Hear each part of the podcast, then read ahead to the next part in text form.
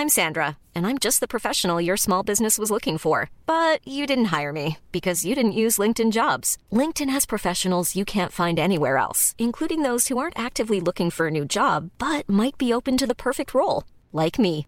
In a given month, over 70% of LinkedIn users don't visit other leading job sites. So if you're not looking on LinkedIn, you'll miss out on great candidates like Sandra. Start hiring professionals like a professional. Post your free job on linkedin.com/people today.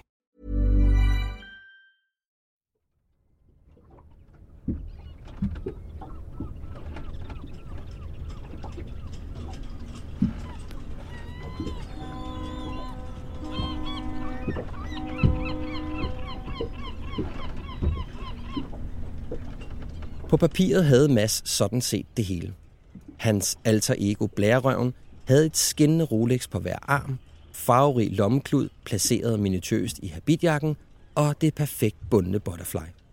Han var gift, havde et par børn og et fint hus i Søllerød, nord for København. Alt var perfekt, velovervejet og højpoleret. Men der var noget, der ikke føltes helt rigtigt inde i det glansbillede, Mads levede i. Der var noget i ham, der blev ved med at føles forkert. Og til sidst, efter længe at forsøge at flygte fra følelsen, så gik det op for ham, at den var rusk bravende gal. Han var i bund og grund ikke glad, og når han sådan rigtig mærkede efter, så kunne han faktisk ikke rigtig finde glæden ved noget. Ikke længe efter den erkendelse eksploderede hans liv. Alt, hvad han troede, han vidste om sig selv, forsvandt rundt om ørerne på ham.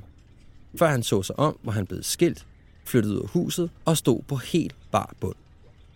Mads røg ned i en stor livskrise, hvor han på tidspunkter overvejede at tage sit eget liv. Men i enden valgte han i stedet at tage ansvar for sig selv og komme videre. Og ved hjælp af blandt andet en stor dosis terapi og en masse selvrensagelse, kom han ud på den anden side.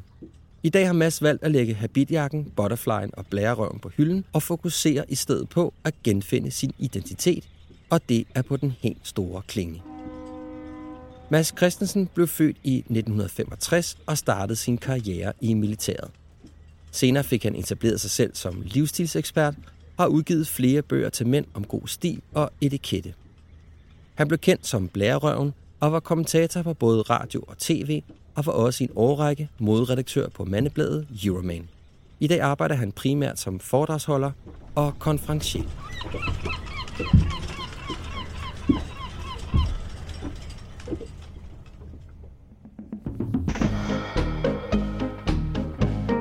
Hvad vil det egentlig sige at være en moderne mand? Og hvilke ingredienser skal der til for at opnå et godt forhold, både til sig selv, men også til sin partner?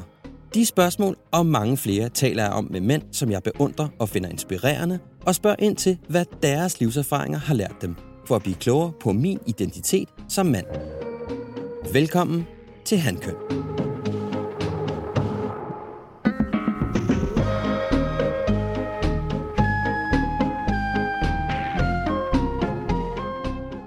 Vi sidder jo her på din båd, mm. Mads, nede i, øh, i Hellerup Havn. Jeg synes bare, det var, der var et eller andet hyggeligt at møde dig her. Der er også noget meget symbolsk i det der med skibet, ikke? Ja. Rejsen. Og du har jo virkelig en båd på det her skib, efter at du blev skilt. Ja. Og det synes jeg jo også, der er noget symbolsk i. Jeg, jeg kan da bidrage til symbolikken, Mikkel, fordi at, at jeg er jo ikke alene. Jeg fandt jo ud af ved en tilfældighed, at det her det er en af de øh, havne. Altså, jeg har altid godt kunne lide Tuborg Havn. Men her der må man gerne være på bådene hele året. Og det er der forskellige mennesker, der lukrerer på. Så der er en 13, 14, 15 beboede både. Og øh, halvdelen af dem er sådan nogle halvtragiske, enlige, fraskilte mænd. Vi har vores eget lille kollektiv i kollektivet. Det er ligesom en enklave i kollektivet. Og vi øh, går og holder lidt øje med hinanden, om der er nogen, der er selvmordstruede om vinteren, når det hele bliver gråt og sådan noget. Vi spiser lidt sammen en gang imellem og drikker en kop kaffe op på vores kantine en gang imellem. Ligesom, ligesom, vi har vores lille mande hule fællesskab. Ja, det er fedt. Så der fik jeg ligesom en, øh, en plads. Ja. Vi skulle tale om fire værdier, som jeg mener er rigtig vigtige for en mand at besidde. Og i virkeligheden øve sig på hele sit liv. Og de er jo rigtig interessante, fordi jeg ved jo, at de værdier, som jeg taler om, har jo også måske i virkeligheden for dig været en ret stor udfordring i dele af dit liv. Ikke? Tag ansvar for sig selv og tilstanden af den relation, man er i. Mm. Så, skal, så skal vi tale om det at have et formål i livet.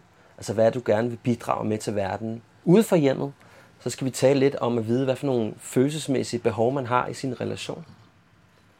Og så skal vi tale om øh, det at have adgang til sin sårbarhed, og i virkeligheden også kunne udtrykke sig ud fra den. Jeg, jeg Ja. afbryder dig lige med, for jeg har jo et femte punkt, som vi også skal. Men nu tager vi dine fire punkter først. Er det rigtigt? Ja, jeg, havde- jeg har tænkt mig, at jeg ville kuppe dit program en lille bit smule. Det synes jeg er fedt. Men den tid, den glæde. Hvad vil det egentlig talt sige at tage ansvar for sig selv? I mit sted, der har det jo været meget med, at der var nogle ting, jeg var god til at tage ansvar for, for de ting, jeg synes, der var sjove.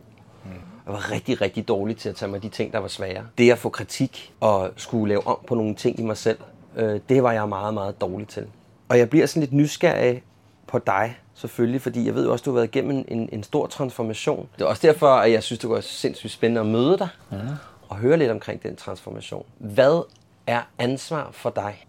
Jamen, jeg, vil, jeg, vil, øh, jeg vil svare ved at sige, at jeg er bæret over at blive inviteret med i dit øh, program, og jeg har læst din bog, og jeg synes, det var meget interessant at læse din bog, fordi jeg tror, at din rejse og min rejse har mange sammenfald, eller mange spøjs øh, paralleller i hvert fald. For jeg synes i mange år, at jeg var en voksen, fornuftig, ansvarlig, rigtig mand. Mm. En ordentlig ægtemand og en øh, far og herre i huset og styr på hæk og have og alle de der ting, som jo bliver koder og symboler på succes og ordentlighed og rigtighed. Og jeg havde også øh, havde overfået malet mig op i sådan et glansbillede op i øh, den bedre del af Søllerød med et, øh, med et nydeligt hus og en nydelig velplejet have og et par nydelige biler og nydeligt alt muligt. Og, øh, og jeg havde ovenikøbet også af skæbnens finurlige vej fået mig selv placeret i en eller anden situation som sådan en bedser og jeg var jævnligt i nogle forskellige mediesammenhænge ude og fortælle, hvordan man gjorde dit, og hvordan man gjorde dat, og jeg kunne sidde i andre radioprogrammer og spille klog på, hvordan man håndterede dette eller hint dilemma. Jeg fik malet mig selv længere og længere op i en krog, hvor jeg var sådan et moralsk ledefyr, og jeg, jeg vidste bedre om alt og sådan noget. Hvordan havde du det med den rolle i virkeligheden? Jamen, i, i- altså, i lang tid var jeg tilpas med den, og i lang tid var jeg uforstående overfor, at jeg ikke var tilpas med den. Og der gik lang, lang tid, før det endelig gik op for mig, at jeg ikke var tilpas med den. Ja. Og, øh, og, og, og du ved, som man siger, når først der går ild i gamle huse, altså når først man, når, der først jeg nåede til den erkendelse, så begyndte det hurtigt at gå ned og bakke på en masse ting. Men, men, men når jeg ser tilbage på min egen mandekrig, så kan jeg se, at jeg i lang tid var tilfreds, fordi jeg havde besluttet mig for, at det var jeg. Og det hele var i lang tid rigtigt, fordi jeg havde besluttet mig for, at det var rigtigt. Mm.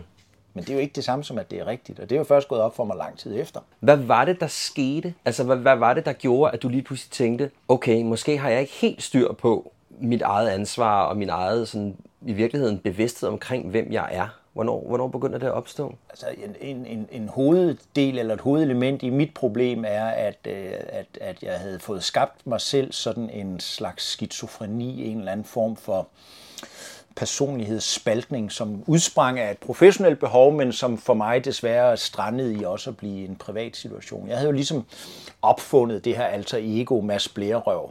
Og, og, og i lang tid havde jeg sådan selv gået og romantiseret sig. "Jamen, det er sådan lidt ligesom Clark Kent og Superman. Så jeg er ligesom den der forsigtige stillefyr, og så tager jeg den der maske på, ligesom når Clark Kent går ind i telefonboksen og kommer ud som Superman, og så tager jeg på arbejde, og så er jeg ham der. Og, og, og sådan var det også. Altså den oprindelige Mads Blærerøv, som kom i kølvandet, og de bøger jeg lavede, var jo en konstruktion. Det er jo ligesom, hvis du sidder på et reklamebureau og laver en designmanual for en havegrill, så lavede jeg bare en designmanual for, hvordan den her persona skulle se ud, mm. hvordan han skulle være klædt, og hvordan han skulle agere. Det var noget med jakkesæt, og lysebrune sko, og Rolex-ure, og knaphulsblomst, og strutende af selvtillid, og fuld fart på. Men det var jo ikke virkelig mig.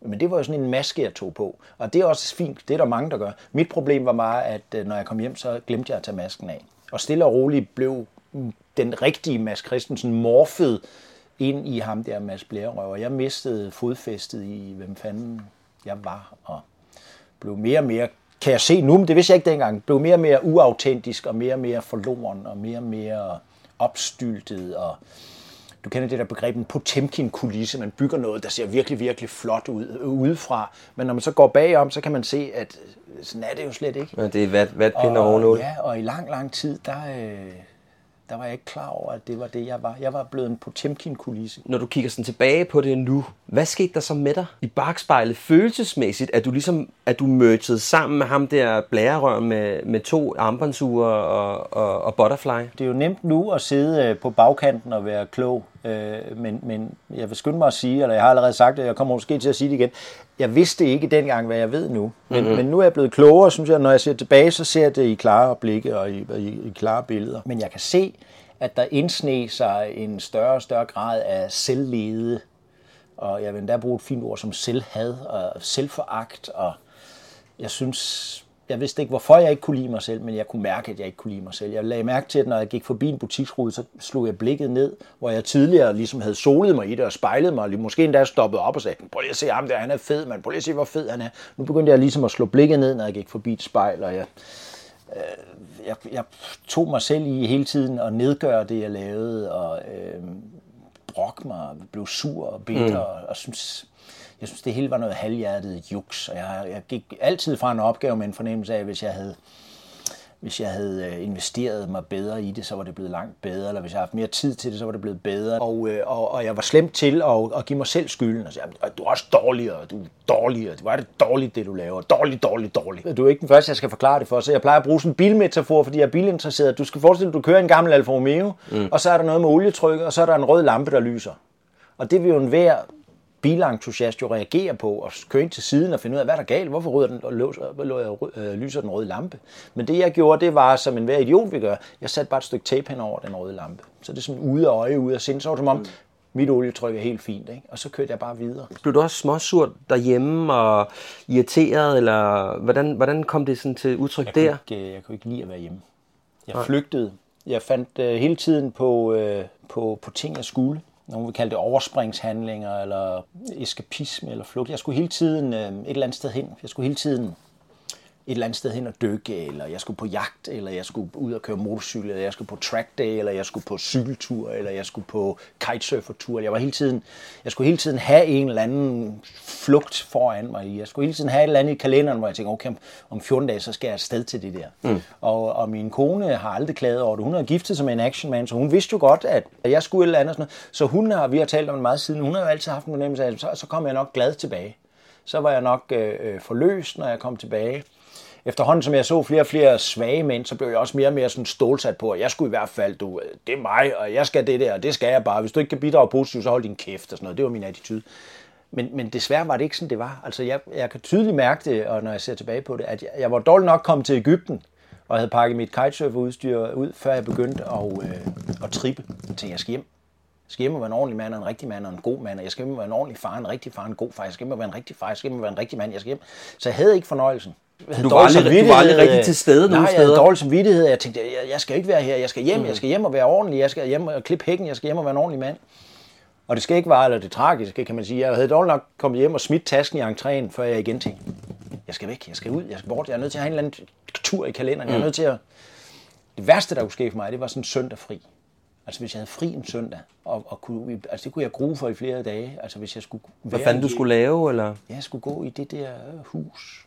Mm med, altså, med en skønt kone og nogle skønne børn og sådan noget. Jeg ved ikke, hvorfor jeg ikke kunne det, men det, det var jeg virkelig, øh, det kunne stresse mig i flere dage, hvis jeg kunne se, chok på søndag har jeg ikke noget job. Og, og, og en af de ting, hvor det virkelig begyndte at gå op for mig, at der var noget galt, det var, at øh, du ved, jeg elskede de der ture til Jylland uh, hvis man kunne have et foredrag i Herning, det var det bedste. Og så øh, være færdig over klokken 10, og så køre hjem, og så de der tre timer i bilen på vej hjem fra Herning, det var mit frirum, det var det bedste, jeg vidste. Jeg hørte musik, og jeg snakkede i telefon, og jeg flørte med tankstationspigerne, og købte kaffe, og, øh, og elskede de der ture. Men nogle gange kunne jeg se, at, øh, oh shit, jeg er hjemme klokken 11 så endte det tit med, at jeg kørte op på tankstationen lige oppe i Nævum, og så købte jeg en avis og en kop kaffe, så sad jeg deroppe indtil klokken var 12, for så var jeg sikker på, at alle var gået i seng. Hvad var det, du var bange for at møde derhjemme, tror du? Ja, jeg var bange for at blive afsløret i, øh, hvor lidt jeg havde lyst til at være ham der, som jeg jo var. Mm. Hvor lidt jeg havde lyst til at være i den der familiekonstellation. Og det er et mærkeligt paradoks, fordi jeg, jeg, jeg, har, altså, altså, jeg har i mange, mange år været rigtig, rigtig glad for min kone, og jeg har øh, hele mit liv været rigtig, rigtig glad for mine børn, så det er jo ikke det, er jo ikke det men der var altså et eller andet galt med det der setup, og det tog mig lang tid at, øh, at ture erkende Når du nu taler om ansvar, fordi det, det er jo et, det, at ture og se i øjnene, at det hele er en Potemkin-kulisse, og at jeg hader mig selv det er jo faktisk det første skridt til at tage det ansvar, som du, du fisker efter.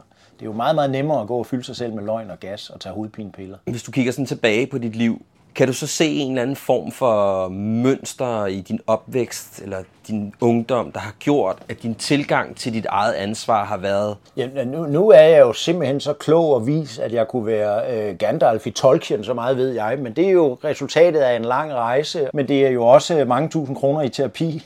Fordi jeg var virkelig på bunden af spanden og, og havde akut selvskade og selvmordstanker, og var jo nødt til at finde ud af, hvad fanden øh, skal jeg gøre. Så jeg har jo gået hos nogle forskellige, og, øh, og de har jo prøvet at åbne de der kasser med alt dunkle, så det er jo ikke nyt for mig at prøve at se tilbage og prøve at finde sammenhæng.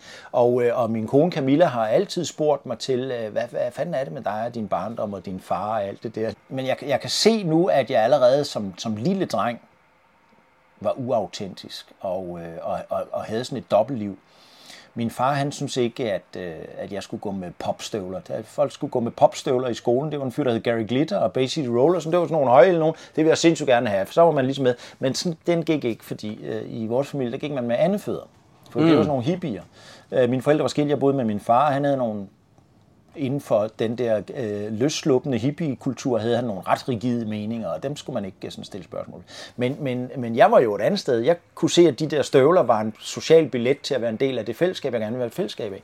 Øh, så, så, var jeg, så måtte jeg jo sno mig.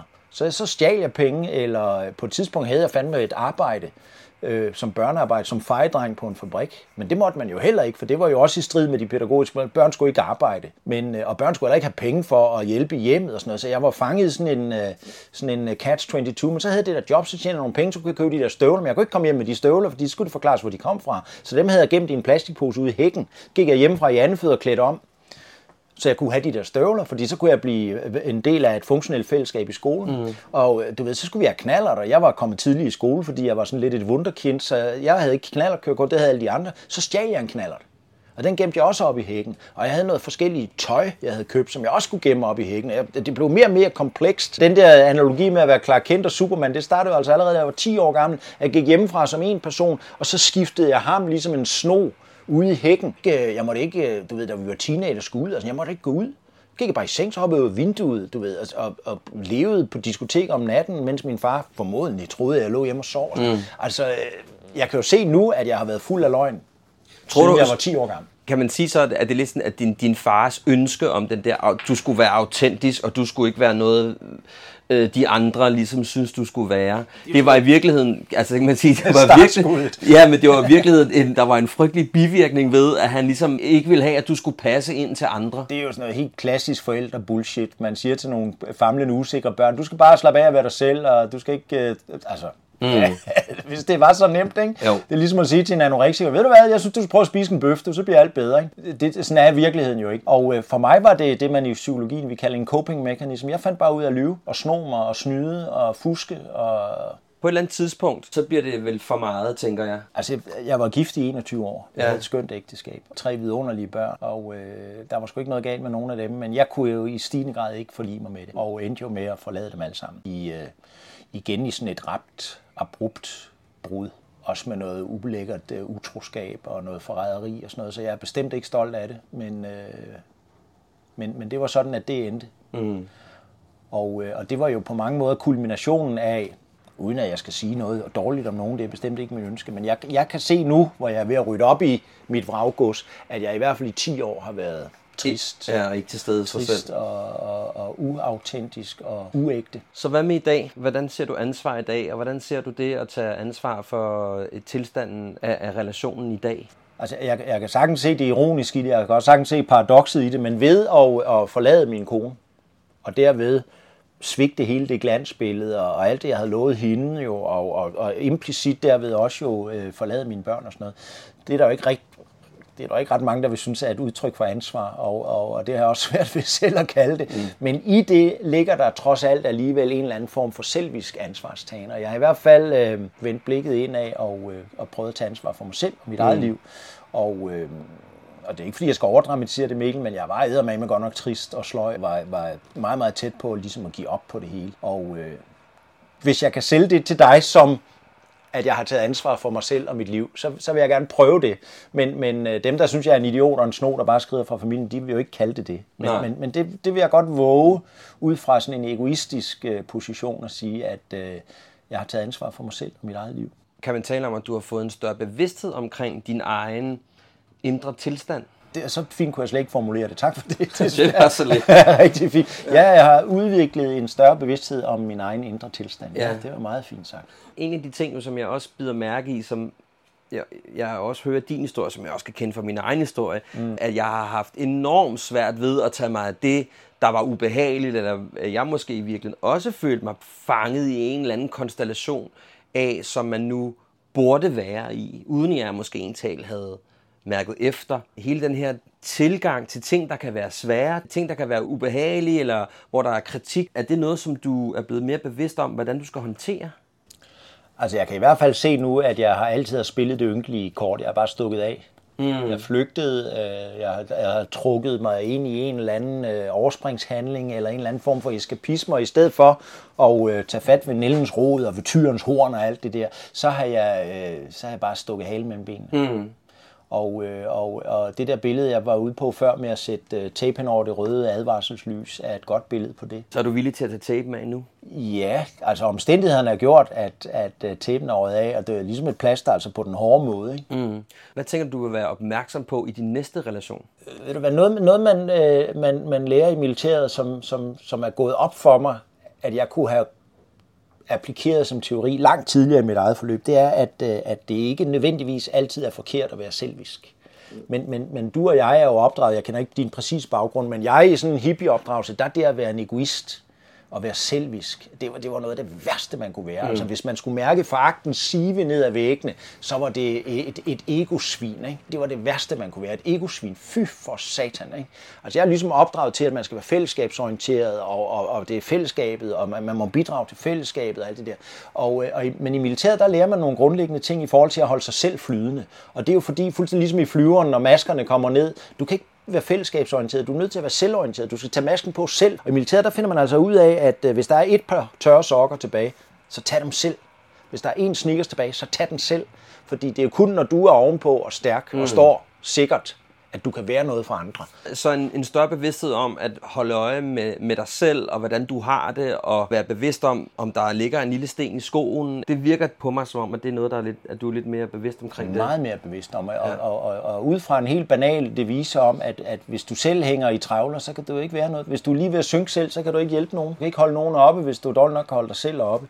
Og, øh, og, og jeg tror, at jeg i lang tid kørte på pumperne fordi jeg var for fællesskabsorienteret, eller fordi det ansvar, der ligger i at have husstand og kone og børn og hund mm. og hæk og have. Og, og, og måske virkelig også bare et, et tænker sådan helt banalt øh, ønske, som vi jo alle sammen måske kender, at, kunne, at, at folk kan lide en, og, man, og at de synes, man er hyggelig og sød. Og... Ja, det var jo også blevet en arbejdsskade, at det var, det var super vigtigt hele tiden at være, være, være på toppen af spillet og være vældigt og være, være eftertragtet. Mm. Og, altså, jeg havde jo skabt mig selv sådan en situation, hvor jeg dårligt nok kunne gå ned til bageren og være sur. Jeg skulle mm. altid være, du ved, happy, happy og glad og smart. Jeg skulle bede mig om søndagen og stryge skjort om søndagen og slips på om søndagen. Og, altså, jeg har også sat mig selv skak med i en lang række sammenhænge, som, øh, som ikke var gode på lang bane. Mm. I din næste relation hører jeg i hvert fald sige, at der vil du have en større bevidsthed for at sikre, at du selv kan være i det, og at hvis der er noget, nogle ting, som du skal tage dig af, du tager tæben af Alfa Romeo-lampen osv. Hvad tænker du omkring sådan noget som kritik? Hvordan vil du have det med at få kritik? Jamen det er også et godt punkt at slå ned på, fordi jeg var tidligere øh, meget opfarende. Hvis der var noget, der ikke var i orden, så... Øh, øh, øh altså jeg var dårlig til at tage kritik. Og, og jeg gjorde det som en forsvarsmekanisme over for kritik, at jeg altid var min egen værste fjende, så jeg, jeg, jeg overøste mig selv med kritik og dømte mig selv dårligt, og dømte mig selv ud længe inden der var nogen, der kunne nå at gøre det. Så var jeg mm. ligesom på forkant med det. Og, øh, og det har jeg selvfølgelig også forsøgt at spore tilbage til, at, at det var aldrig over for min far var godt nok noget af det, jeg havde lavet. Og sådan noget. Så kunne jeg ligesom gå og, og snakke mig selv ned. Øh, og, øh, så det vil sige, når din kone kom til dig og sagde, Mads, jeg savner skulle lige, du er lidt mere nærværende. Så vil du stikke halen mellem benene? Eller du sådan, vil... sådan faldt ordene ikke. Men enten Nej. vil jeg straks blive defensiv, eller også vil jeg stikke af. Så jeg går ud fra, og det er, nu lægger ordene ja. på dig. Nej, men, du kan men... tro, det har jeg lært, når, når du ja. nu sigter fremad, så er det i hvert fald øh, absolut noget, som jeg er meget mere opmærksom på. Altså der, hvor jeg var ved at gå til grunden, der gik jeg hos en, en, øh, en mand, der hed Morten, en psykolog, og, øh, og, og vi blev enige om, at det, jeg skulle tilstræbe, for at komme... Øh, altså man, man kan sige, det var ligesom den redningskrans, han kastede til mig, da jeg var ved at synke i det der sorte hav. Øh, det var øh, ærlighed. Ærlighed som en forudsætning for troværdighed, og troværdighed som et element i at opnå det, som var idealet, nemlig at blive et autentisk menneske. Ja. Og det lyder Og også integritet. Som, ja, ja, og de, og de ting, der følger med, det lyder også så dameblads psykologisk, men altså, det var egentlig det, jeg skulle prøve at nå ind til, at hvis, hvis jeg ved hjælp af ærlighed kunne etablere troværdighed omkring min person i en grad, hvor det kunne sigte hen mod at blive et, øh, et autentisk menneske, så var det det, der var værktøjet. Mm. Og, øh, og der må man jo som nybegynder starte et sted, og der startede jeg desværre bare med at være meget, meget ærlig. Og, øh, og var også for ærlig og var alt for åbenmundet og fik jo også skabt mig selv et, et, et usmageligt offentligt ansigtstab og fik hængt min søde kone ud. Og, mm. altså, det var bestemt ikke nogen rar ærlighed, men det var, det var den redningskrans, jeg havde på det tidspunkt. Det var den, jeg klamrede mig til, og det ja. vil jeg sige til mit forsvar. Jeg vidste ikke bedre, og, øh, og, og jeg tænkte, at nu skulle jeg eddermame bare være ærlig, fordi som et modtryk til den der forlorenhed, som havde været min rejsemarker i alle de år, så skulle jeg i hvert fald ikke være forloren mere. Så jeg kommer aldrig til at binde et slips igen, og jeg vil aldrig være ham der mere. Jeg kommer aldrig, aldrig, aldrig. Og hvis du spørger om noget, så svarer jeg. Og det går op for mig sidenhen, at, at, at det er heller, ikke, det, det er heller ikke den rigtige vej, men det var, det var, Ja. Det, var, det var min redningskrans. Dit spørgsmål var jo, om, øh, om, øh, om jeg stod bedre i forhold til at tage ansvar for mit eget liv. Og ja. det vil jeg gerne i et kort øh, svar sige, ja, det synes jeg. Jeg er blevet meget mere opmærksom på, hvad det er for nogle mekanismer, der gør sig gældende, og jeg er meget mere opmærksom på de røde advarselslamper, der lyser, og jeg tilstræber ikke at sætte tape henover, og jeg vil i hvert fald ikke sidde på en eller anden tankstation, fordi jeg ikke kan holde ud at være i mit eget liv. Mm. Du lytter til Handkøn, en podcast om at genfinde mandens identitet. Handkøn er også på Instagram, og det hjælper mig på vej, hvis du følger, liker og deler mine posts. Så er du nemlig med til at sprede det gode budskab om handkøn og min mission om at genfinde mandens identitet. Du skal bare søge på handkøn. Mom deserves the best, and there's no better place to shop for Mother's Day than Whole Foods Market. They're your destination for unbeatable savings, from premium gifts to show-stopping flowers and irresistible desserts. Start by saving 33% with Prime on all body care and candles. Then get a 15-stem bunch of tulips for just $9.99 each with Prime. Round out Mom's menu with festive rosé, irresistible berry chantilly cake, and more special treats. Come celebrate Mother's Day at Whole Foods Market. Since 2013, Bombas has donated over 100 million socks, underwear, and t-shirts to those facing homelessness. If we counted those on air, this ad would last over 1,157 days. But if we counted the time it takes to make a donation possible, it would take just a few clicks. Because every time you make a purchase, Bombas donates an item to someone who needs it. Go to bombas.com slash ACAST and use code ACAST for 20% off your first purchase. That's bombas.com slash ACAST, code ACAST.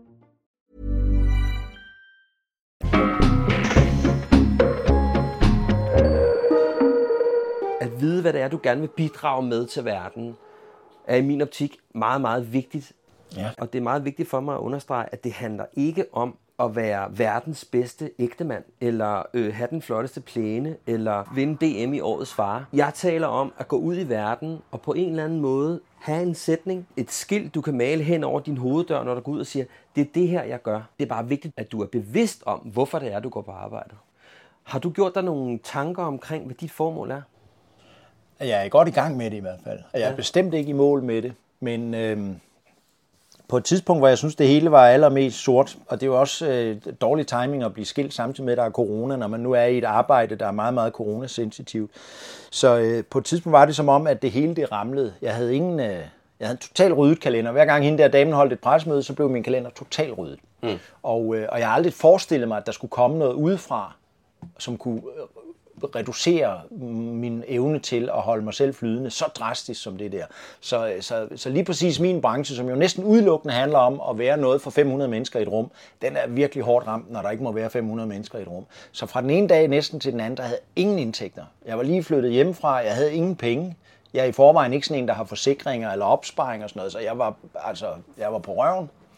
Øh, øh, med det der totale arbejdsmæssige kollaps, der faldt hele min selvforståelse og min selvrespekt. Med det der forliste ægteskab havde jeg i forvejen øh, store problemer med selvrespekten og sådan noget. Så jeg var virkelig, synes jeg, dårligt kørende i alle de sammenhænge, man næsten kunne måle på. Men så var der en, øh, en, en kammerat, der sagde... altså jeg sad jo og flæbede ligesom alle andre, så øh, corona dit og corona da. men så var der en kammerat, der sagde, prøv at lægge et blankt stykke papir foran dig. Det er en øvelse. Så sidder og kig på det, indtil du ikke kan lade være med at skrive noget. Og det er først, når du ikke kan lade være med at skrive noget på det, at du skal skrive det. Og så se, hvad du skriver. Mm. Og jeg tænkte, jeg har ikke noget at tabe. Så det gjorde jeg. Og ved du hvad, det allerførste, jeg skrev efter at have siddet og kigget på det lang tid, det var Italien. Det skulle være noget med Italien. Jeg skulle starte fra scratch, på bar bund, tomme lommer, ingenting, alt var væk. Hvad skulle det være? Det skulle i hvert fald være noget med Italien. Og ved du hvad, nu øh, øh, et år efter, nu bor jeg altså i Italien. Og det er jo øh, altså en, en, en enorm stærk følelse af øh, accomplishment, hvad, hvad, hvad, hvad Ja, det at man, bedrift. at, man, at man sætter sig noget for, og så får det til at ske. Nu har jeg lejet et skønt hus nede ved Komosøen, og der bor jeg, og der har jeg etableret mig med, mine, med nogle møbler, jeg har været ude at købe, og nogle potter, og nogle pander, jeg har været der. Ja, Det var nemt at blive skilt for mig, for jeg har ikke taget noget som helst med. Øh, Så jeg startede helt fra scratch, og nu har jeg ligesom fået skabt mig et nyt liv dernede. Og øh, det næste, jeg skrev, det var noget med biler. Jeg vil lave noget med biler. Jeg vil ikke være ham der slipsmash. Jeg vil bestemt ikke være ham der modemash mere. Jeg var også godt træt af at være ham der øh, samfundsrevseren. Nu vil jeg være noget med biler. Mm. Og nu laver jeg noget med biler. Det er ikke noget, jeg bliver tyk og fed af, men jeg laver noget med biler. Jeg, laver, øh, jeg har etableret en YouTube-kanal, som øh, nu er godt inde i sin anden sæson. Og, øh, det er Hvad hedder bil- den, hvis man lige skal den hedder finde Kør, K-Ø-R, udråbstegn. Ja, det er et, et, et bilprogram om bilentusiasme og bilpassion. Der kommer en udsendelse hver 14 dage, det laver jeg sammen med min kammerat Erik. Ja. Øh, jeg har nogle forskellige andre ting i gang. Jeg går lidt og drømmer om at lave en solbrillekollektion, og jeg har en helt naiv, næsten barnagtig øh, følelse af, at der kommer et eller andet i Italien. Det er bare et spørgsmål om tid, så kommer jeg til at stå på et eller andet offentligt toilet og pisse ved siden af en, der har en skofabrik, og så bliver det noget med sko, eller olivenolie, eller eddike, eller tomater, eller, eller solbriller, eller et eller andet. Jeg er stensikker på, at der dukker noget op. jeg bliver sådan lidt nysgerrig, ikke? fordi det lyder også meget som om, at du sådan har en... Måske fordi du er blevet så slippet ned til grunden, om det måske i virkeligheden har givet dig mere adgang til din egen intuition og din egen, sådan, hvad skal man sige, hvis jeg må bruge det meget spirituelle øh, udtryk, klarsyn i forhold til, hvad du skal gøre. Det er i hvert fald, øh, ja det kan det måske, men det er i hvert fald, vil jeg sige, øh, det er lærerigt at øh, bryde ned.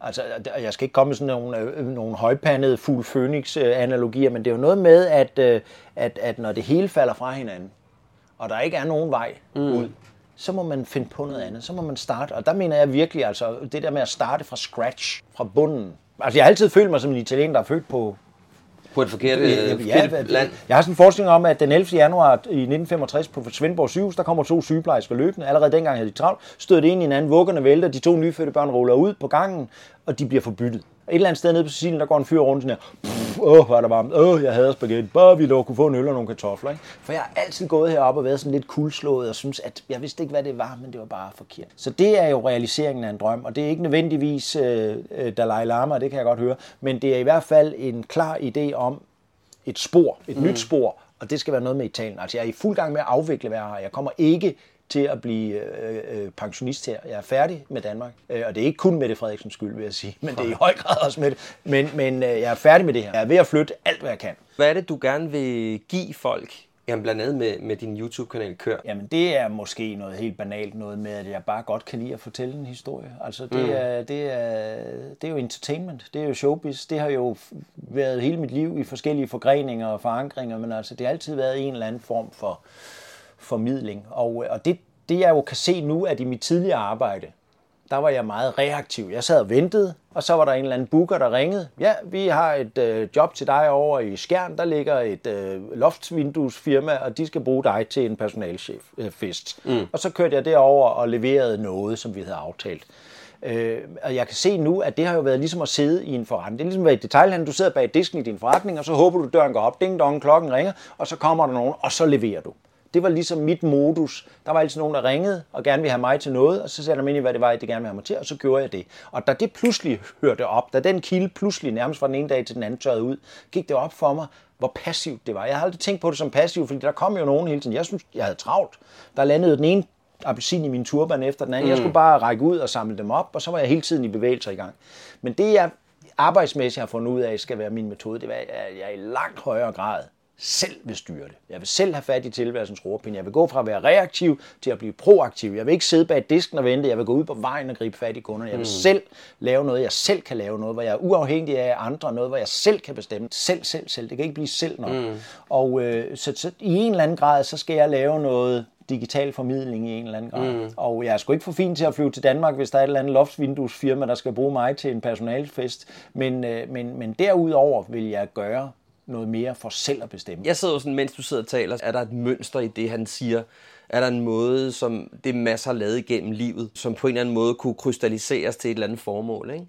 Og jeg hører jo sådan, æstetik for dig er ekstremt vigtigt. Ja, ja. Det og, og man kan jo sige meget omkring Italien, men der er der æstetik Ja, og, og kærlighed til mad og kærlighed til form og figur og det at leve. Så jeg, jeg, jeg, jeg sidder sådan lidt og lomfilosoferer, om det i virkeligheden handler noget om at, at vise, hvor vigtigt det er at have æstetik i livet, hvor vigtigt det er at se de små ting, at tage sig tid, at, vise, at forstå kærligheden til detaljen i livet. Er, det, er, er jeg, har jeg drukket for meget Bailey nu? Nej, men, men, men jeg kan godt øh, forestille mig, at hvis man, hvis man betragter mig som fænomen udefra, at, at det kan være svært at få øje på den store omvæltning. Men øh, fordi det er jo stadigvæk forgreninger af det samme liv, og det er det samme Men kan, du følge mig, kan du følge mig lidt i det? Altså, altså, at, at, altså en form for... for øh, og, jeg, og jeg mener det positivt. Jeg synes, det er enormt positivt, fordi jeg er selv meget nysgerrig, og, og jeg synes, æstetik er noget af det aller, aller vigtigste, vi har i livet, fordi livet leves i detaljen. Det kan vi, om end der er noget, sikkert sidde her og blive enige om. Mm. Men, men altså, at det her med at formidle det smukke, det, det, detaljen, øh, kærligheden i at lave en smuk bil, kærligheden i at spise et godt måltid mad, kærligheden i det gode ur, kærligheden i det fine tøj. Jeg tænker, om der er noget i det. Jamen det er der utvivlsomt, men det er jo også noget med, øh, du ved, skummer at blive ved din list. Altså det er jo det, er jo det jeg ved noget mm. om, og det er det, jeg har beskæftiget mig længere. Det er også der, hvor jeg synes, jeg har oparbejdet et, et vist modikum mm. af kompetencer, og derfor er det måske også naturligt, at det er det, der er inden for min arbejdsmæssige comfort zone, og, øh, og det er sgu heller ikke, fordi jeg skal gøre mig til af og, og totalt bryde og blive en helt øh, anden. Dit andet spørgsmål her var formål i livet og sådan noget. Det, der er ligesom værktøjet til at nå til et formål i livet for mig, det er øh, selv. Altså ordet selv. Jeg vil selv gøre det. Det skal være mig. Det skal være mit. Jeg sidder måske i virkeligheden er, sådan øh, er 4-5 km foran på, øh, på cyklen. så det jeg ligesom fornemmer på dig nu, det er, at du er et sted, hvor du bare sådan ved at etablere din egen grundmodus. Altså det, der faktisk skal få dig til at gøre dig lykkelig i det, du laver. Det er der, du er lige nu. Jeg skal jo finde en måde, hvorpå jeg kan opretholde en, øh, en levestandard, som øh, passer til mit aspirationsniveau med base i Italien. Det er ikke mere base i Italien, at jeg kommer jævnligt her jo, fordi det er jo også her, jeg har mit virke og mine børn og, og mm. mine bekendtskaber og mine venner og min familie og sådan noget, men, men, øh, men med base i Italien og, og på sigt gerne mere Italien. Ja. Det er sjovt, jeg, jeg, jeg barsler faktisk med et projekt. Jeg kunne godt, øh, jeg går lidt og drømmer om at lave noget. Udover det der kør, vil jeg gerne lave noget, noget, noget engelsksproget YouTube. Og som arbejdstitel hedder mit projekt Bella Figura. Bella Figura i en italiensk fortolkning er også noget med, med, med, med, med, med omgangsformer og etikette og, og praktisk mm. formåen i interaktion med andre mennesker og sådan noget. Og gøre en anstændig figur. Og, øh, og det kunne være omdrejningsaksen for et eller andet formidlingskoncept, som jo så kunne fyldes med alle mulige ting inden for mine interesser. Mm. Så, så jeg, jeg håber, at uh, næste gang vi ses, så er jeg ligesom kommet lidt videre med det. Jeg tænker, at jeg lægger en lille, en lille link ned i show notes, så folk kan finde Nå, din YouTube-kanal, ikke? Se min YouTube, som handler om at møde nogle mennesker, der har nogle tanker og nogle idéer omkring deres biler. Om glæden ved, i det her tilfælde bilen, men den glæde er universel, kan jo, det kunne lige så godt være et bådprogram eller et vinprogram. Mm. Eller, Jeg, jeg tænker, at vi, vi mødes igen om et år, måske samme sted, og så taler vi om, hvor du er henne, ja, lige det kunne være formål. spændende. Det kunne være spændende. Ja.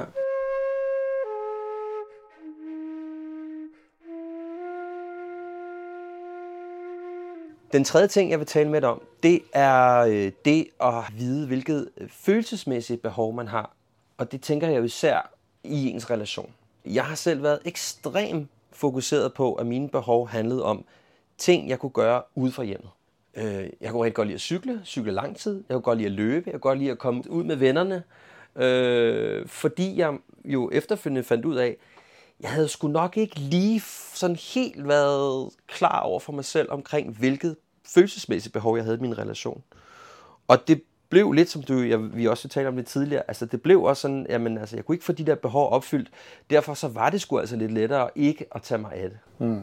Især her efter, at du er blevet skilt og har startet på en ny vej i livet, har du gjort dig nogle tanker omkring, hvilket følelsesmæssigt behov du har. Altså, det er jo en del af rejsen i hvert fald, øh, Mikkel. Og når jeg, når jeg, når jeg læste din bog øh, med, med stor glæde og smil, så var det, fordi jeg kunne genkende mig selv i mange af de billeder, du tegner. Og, øh, og jeg tror, vi gjorde os skyldige i den samme øh, fornægtelse og eskapisme, og, og, og jeg gentager det der udmærket billede med at sætte tape hen over den røde lampe, så, ja. som, så, så er problemet der ikke, hvis man ikke ser den røde lampe. Og øh, altså nu har jeg en, en vidunderlig kæreste, som jeg har et rigtig, rigtig dejligt, dejligt og, og, og, og stærkt underholdende fællesskab med. Øh, og jeg prøver selvfølgelig at undgå, at øh, nissen flytter med, og, øh, og prøver at, at være, være klogere og mere på forkant, og være mere opmærksom på, hvis der er en rød lampe, der lyser, så få rykket på det, mens det er noget, man kan justere på.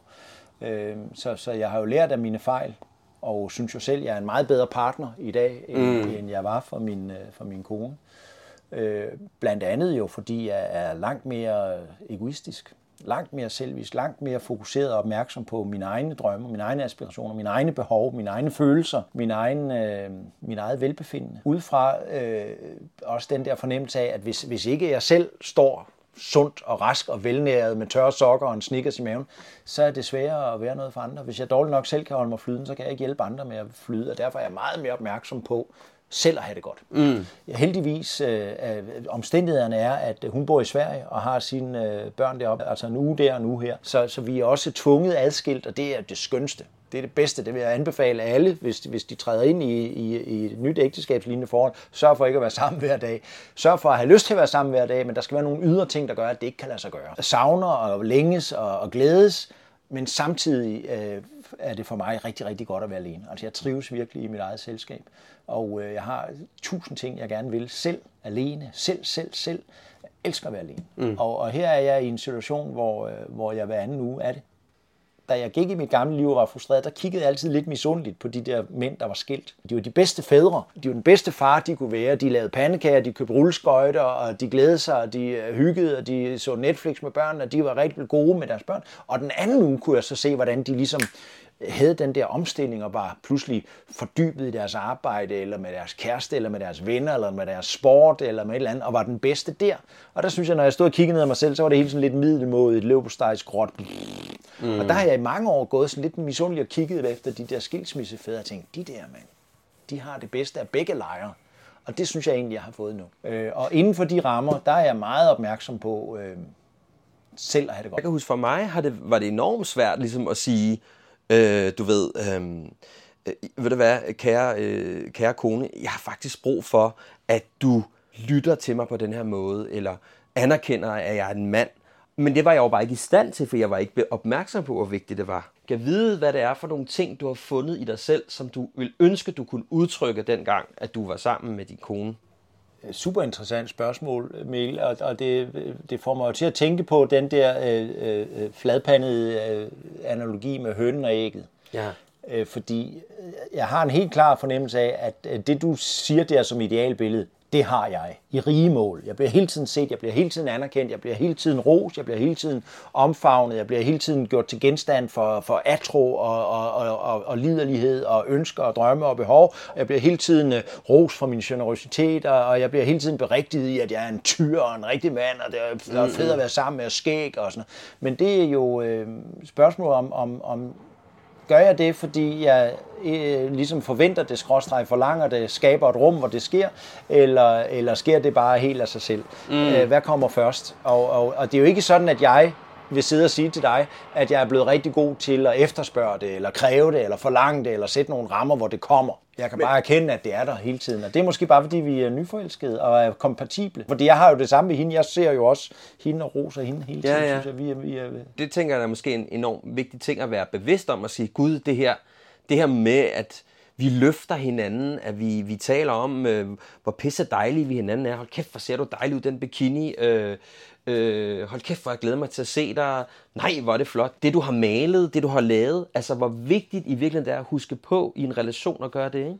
Men, men øh, det er jeg ikke til fuld klar over, hvorfor det er sådan, som det er. Men sådan er det. Mm. Og spørgsmålet er, om det er sådan, fordi at, øh, at det er det, jeg selv udsender. Altså, det, det kunne jeg jo godt forestille mig, at hvis jeg hele tiden øh, roser, så kommer der noget ros tilbage. Og det, og det er ikke fordi, det skal blive sådan noget karmasnak, men, men, men, men øh, jeg, jeg lever i en overflod af anerkendelse i, i forhold til mm. Mm. Johanna, som hun hedder.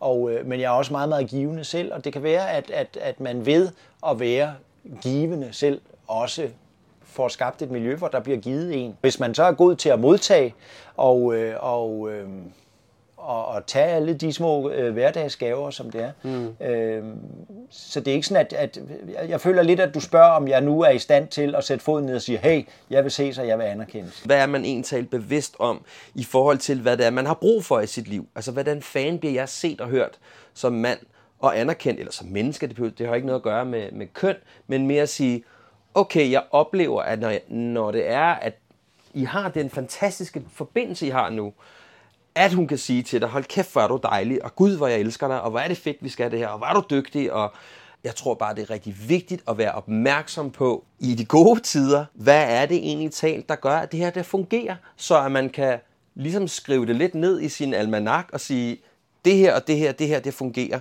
Når der sker det her, så sker der noget med mig, som ikke er så godt. Hvorfor sker det? Jeg tror, at alle kender det der øh, simplificerede billede af, at når man er nyforelsket, så øh, er, er der masser af, af lyst og anerkendelse mm. og lir, og, øh, og øh, man gør sig umage, og, og så stille og roligt indsniger der sig en eller anden form for hverdag, og så pludselig vågner man en morgen, og det hele er gråt og løb på steg, og hvornår har jeg egentlig sidst hørt nogen sige, jeg elsker dig, eller hvornår har jeg i øvrigt hørt min egen mund mm. sige det, det skal tælles i måneder, måske år. Ikke? Øh, måske er jeg bare virkelig, virkelig heldig at have den her 7-7-konstellation, som gør, at selvom vi nu er to og et halvt år inde i det, så er der stadigvæk øh, fuld fyr og flamme i, øh, i, i det hele. Og måske endda, synes jeg selv, mere og mere, fordi det bliver dybere og dybere, og mere og mere autentisk og Mm. ægte og dejligt.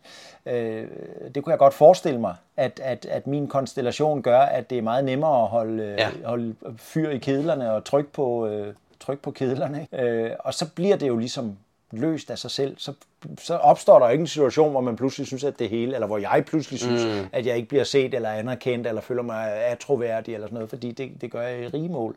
Vil du sige til hende, hvis det var der noget, du savnede? Ja, det tror jeg. Ja. Men det er, fordi jeg er meget mere sensitiv nu i forhold til selv at være glad. Altså selv at være ovenpå, eller selv at stå stærkt. Altså, vi har jo også kriser, og mange, vi har mange kriser, det er meget dramatisk, det er et meget, det er et meget middelhavsagtig relation, vi har, så ligesom der er nogle enormt store positive følelser, er der også masser af, altså vi, vi skændes tit, men, øh, men jeg er meget bedre til at få dem løst i nuet, eller inden for en overskuelig fremtid, mm. fordi jeg er meget mere bevidst om, hvilken part jeg selv spiller, og hvilke elementer jeg selv kan gøre noget ved, og også hvilke elementer jeg ligesom tillader mig at kræve. Altså jeg vil ikke kræve noget, jeg ikke selv vil give, men, men, men ved eksemplets magt, så får jeg jo også sat nogle standarder for, hvordan det skal være. Mm. Og øh, det er hun øh, god til at afkode og være med på. Du lytter til Handkøn, en podcast om at genfinde mandens identitet. Udover min samtale med Mads, kan du finde en bred vifte af andre handkøn, du kan lytte til.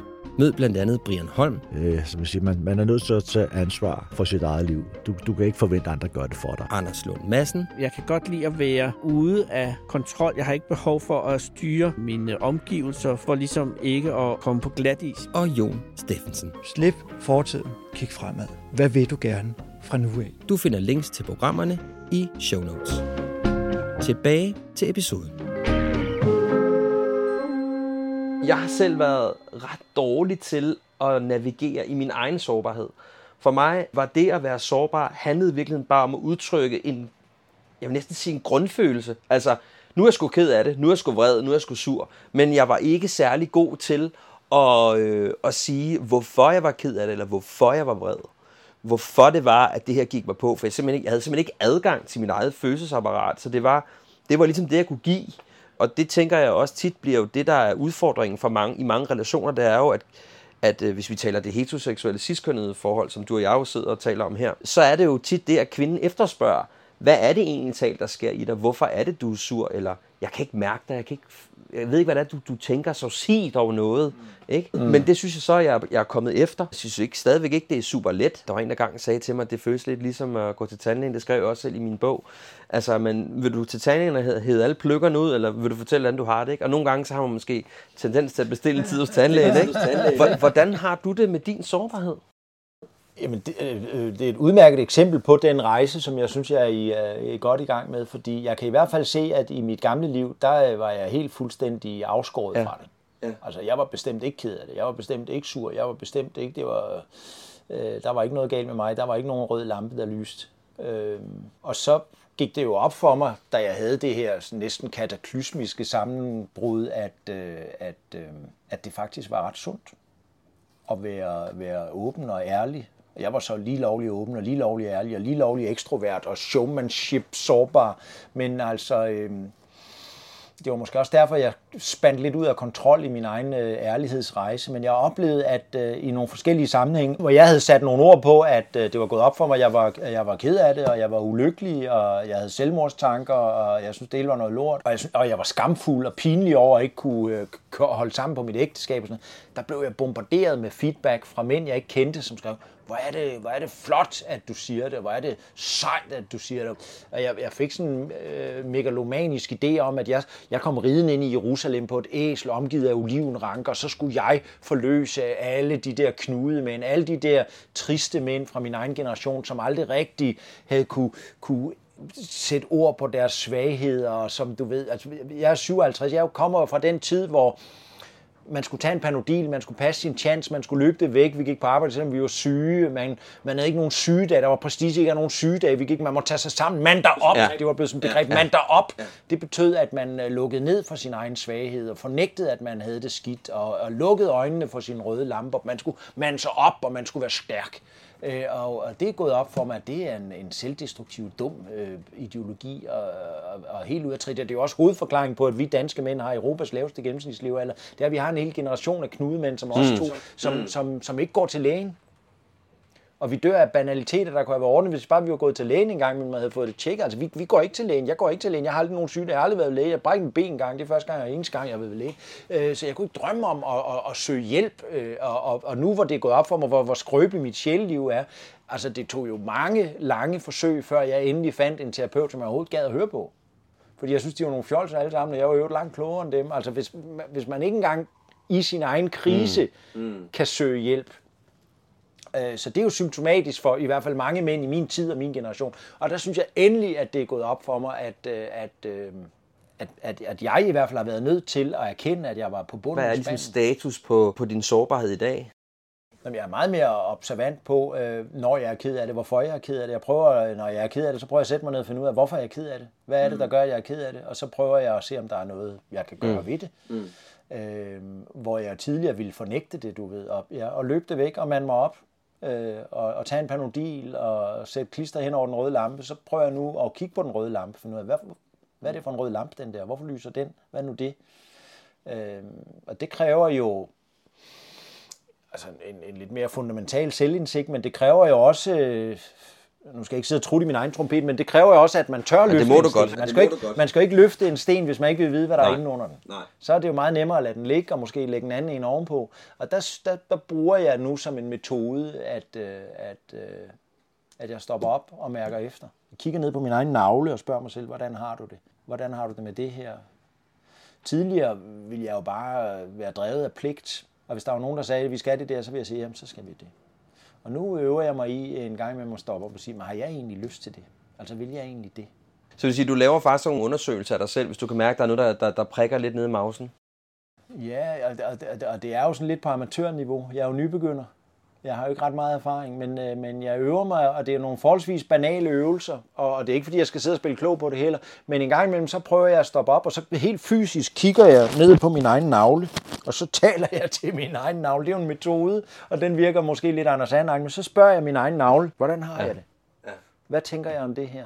Og, øh, og, og i lang tid gik jeg hos, øh, hos den her terapeut, og han spurgte, øh, hvad føler du?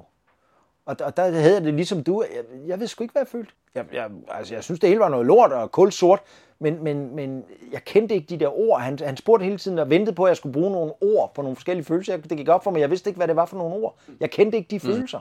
Jeg synes bare, det hele var noget lort. Jeg siger, hvor, hvordan føler du Og hvor føler du det? Det er jo også et, et terapeutisk greb. Hvor føler du det? Og der, der gik lang tid, før det gik op for mig, at Jamen det føler jeg i min mave, eller det føler jeg i min nakke, eller det føler jeg i mine skuldre, eller det føler jeg i mine fingerspidser. Og sådan. Altså det er jo, det er jo en, en rejse overhovedet og, og, og turbe en anden med og løfte den sten og åbne den æske og kigge ned i det sorte rum, der er dernede og finde ud af, hvad fanden er det for noget.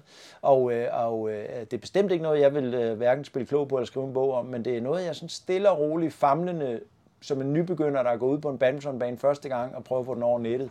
Kan du udtrykke din sårbarhed over for andre? Din kæreste, dine børn, din ekskone, dine venner? Mm, jeg, jeg synes, jeg arbejder Ja. på det. Ja. Jeg er lidt, øh, jeg er lidt på en lille rejse med nogle, med nogle venner, hvor jeg prøver at opsøge nogle... Øh, altså, jeg har oplevet efter skilsmissen at blive meget isoleret. Der er ikke nogen, der holder med ægteskabsbryderne, og slet ikke, hvis han har ligget og knæppet en eller anden blondine op i Sverige og været fuld af løgn og sådan noget. Så, så det er meget, meget nemt at blive dømt mm. ude.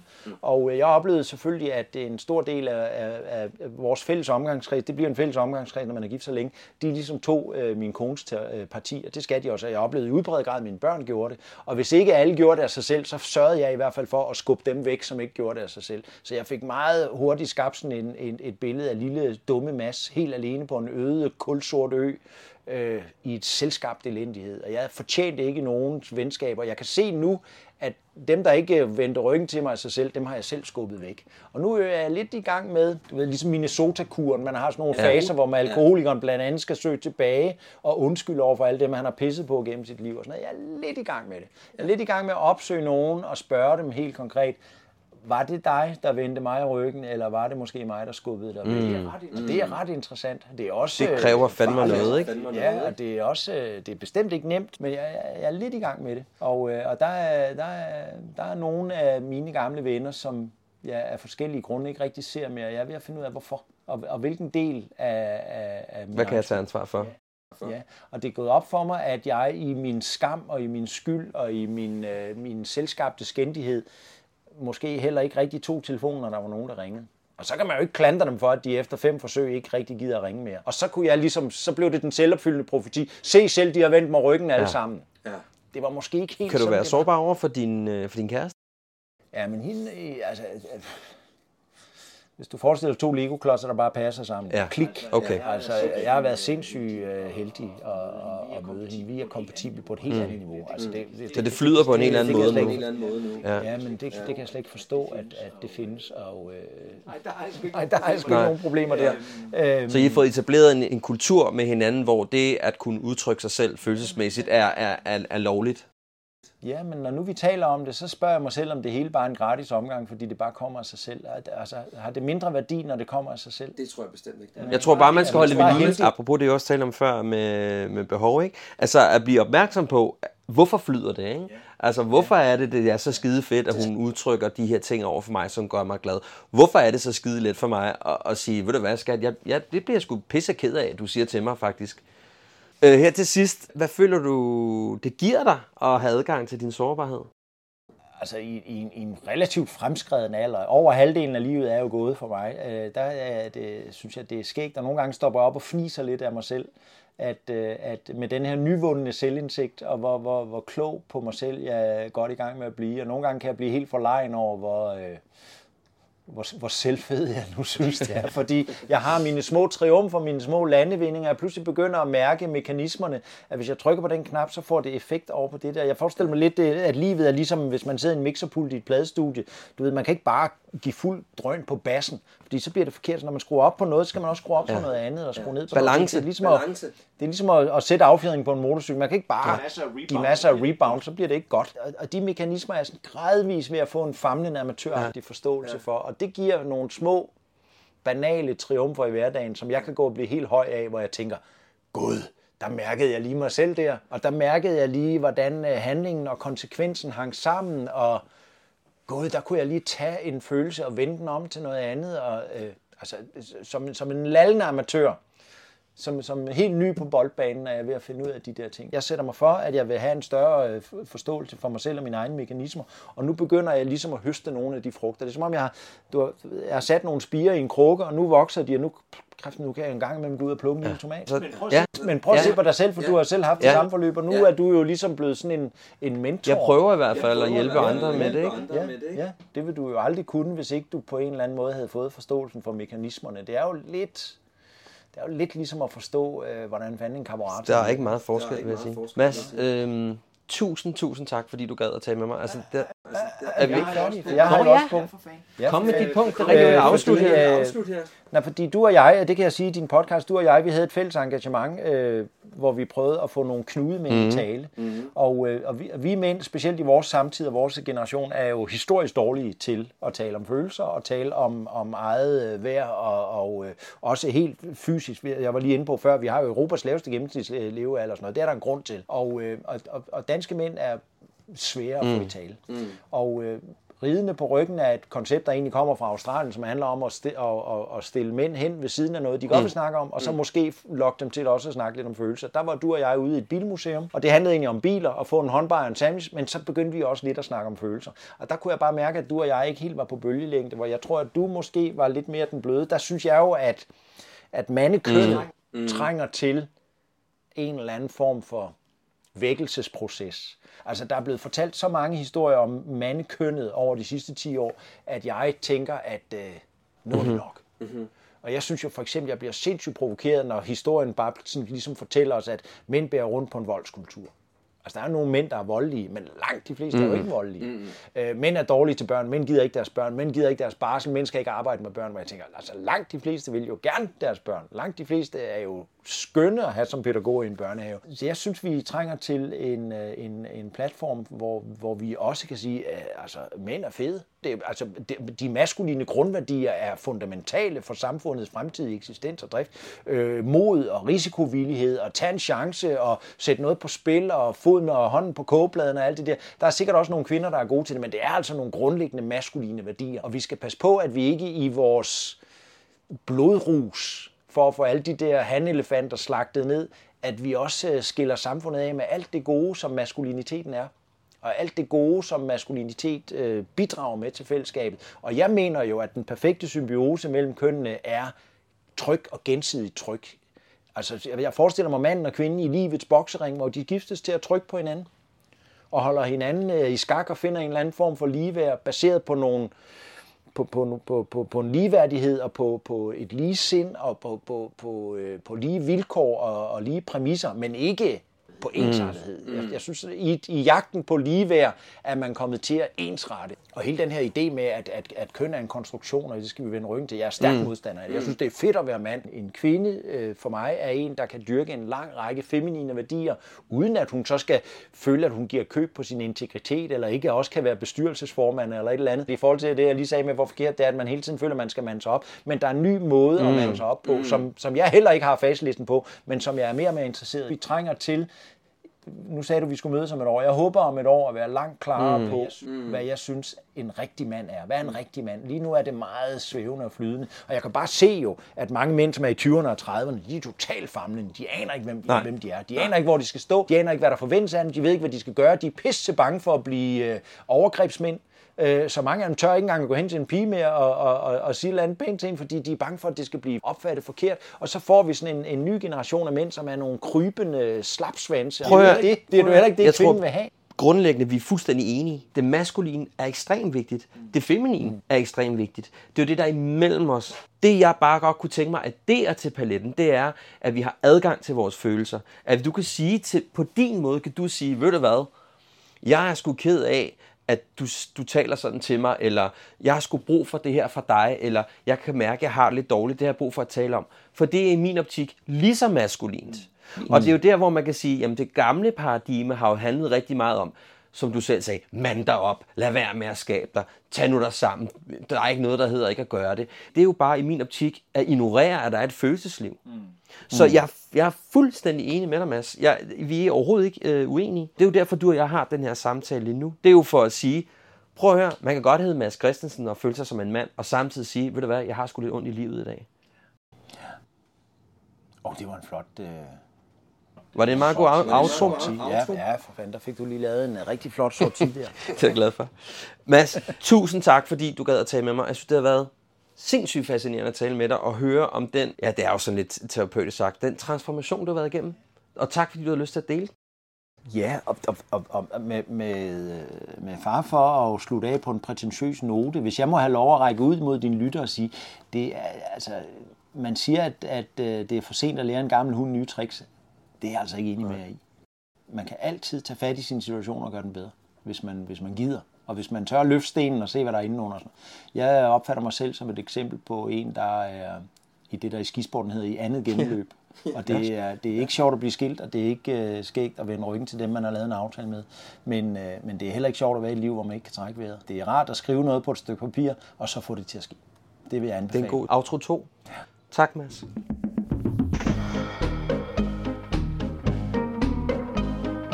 Da jeg sad og genlyttede til Masses og min samtale, kunne jeg på mange måder genkende min egen historie i hans. Nu vel, Masses historie er måske så bare en version på Octane 100. Men vi levede begge to efter en devise om, hvad det var, vi troede folk forventede af os, og havde ikke bevidstheden til at lytte efter til vores indre stemme og hvad den sagde. Og det havde for os begge to samme konsekvenser. Jeg kan ikke engang mellem lade være med at tænke på, hvor jeg var ind henne, hvis jeg tidligere i mit liv havde forstået min egen behov og formål, haft adgang til min sårbarhed og havde reageret på det. I næste afsnit kommer det allerførste hundkøn på besøg i handkøn. Og vi starter på øverste hylde med tv- og radiovært Sara Bro.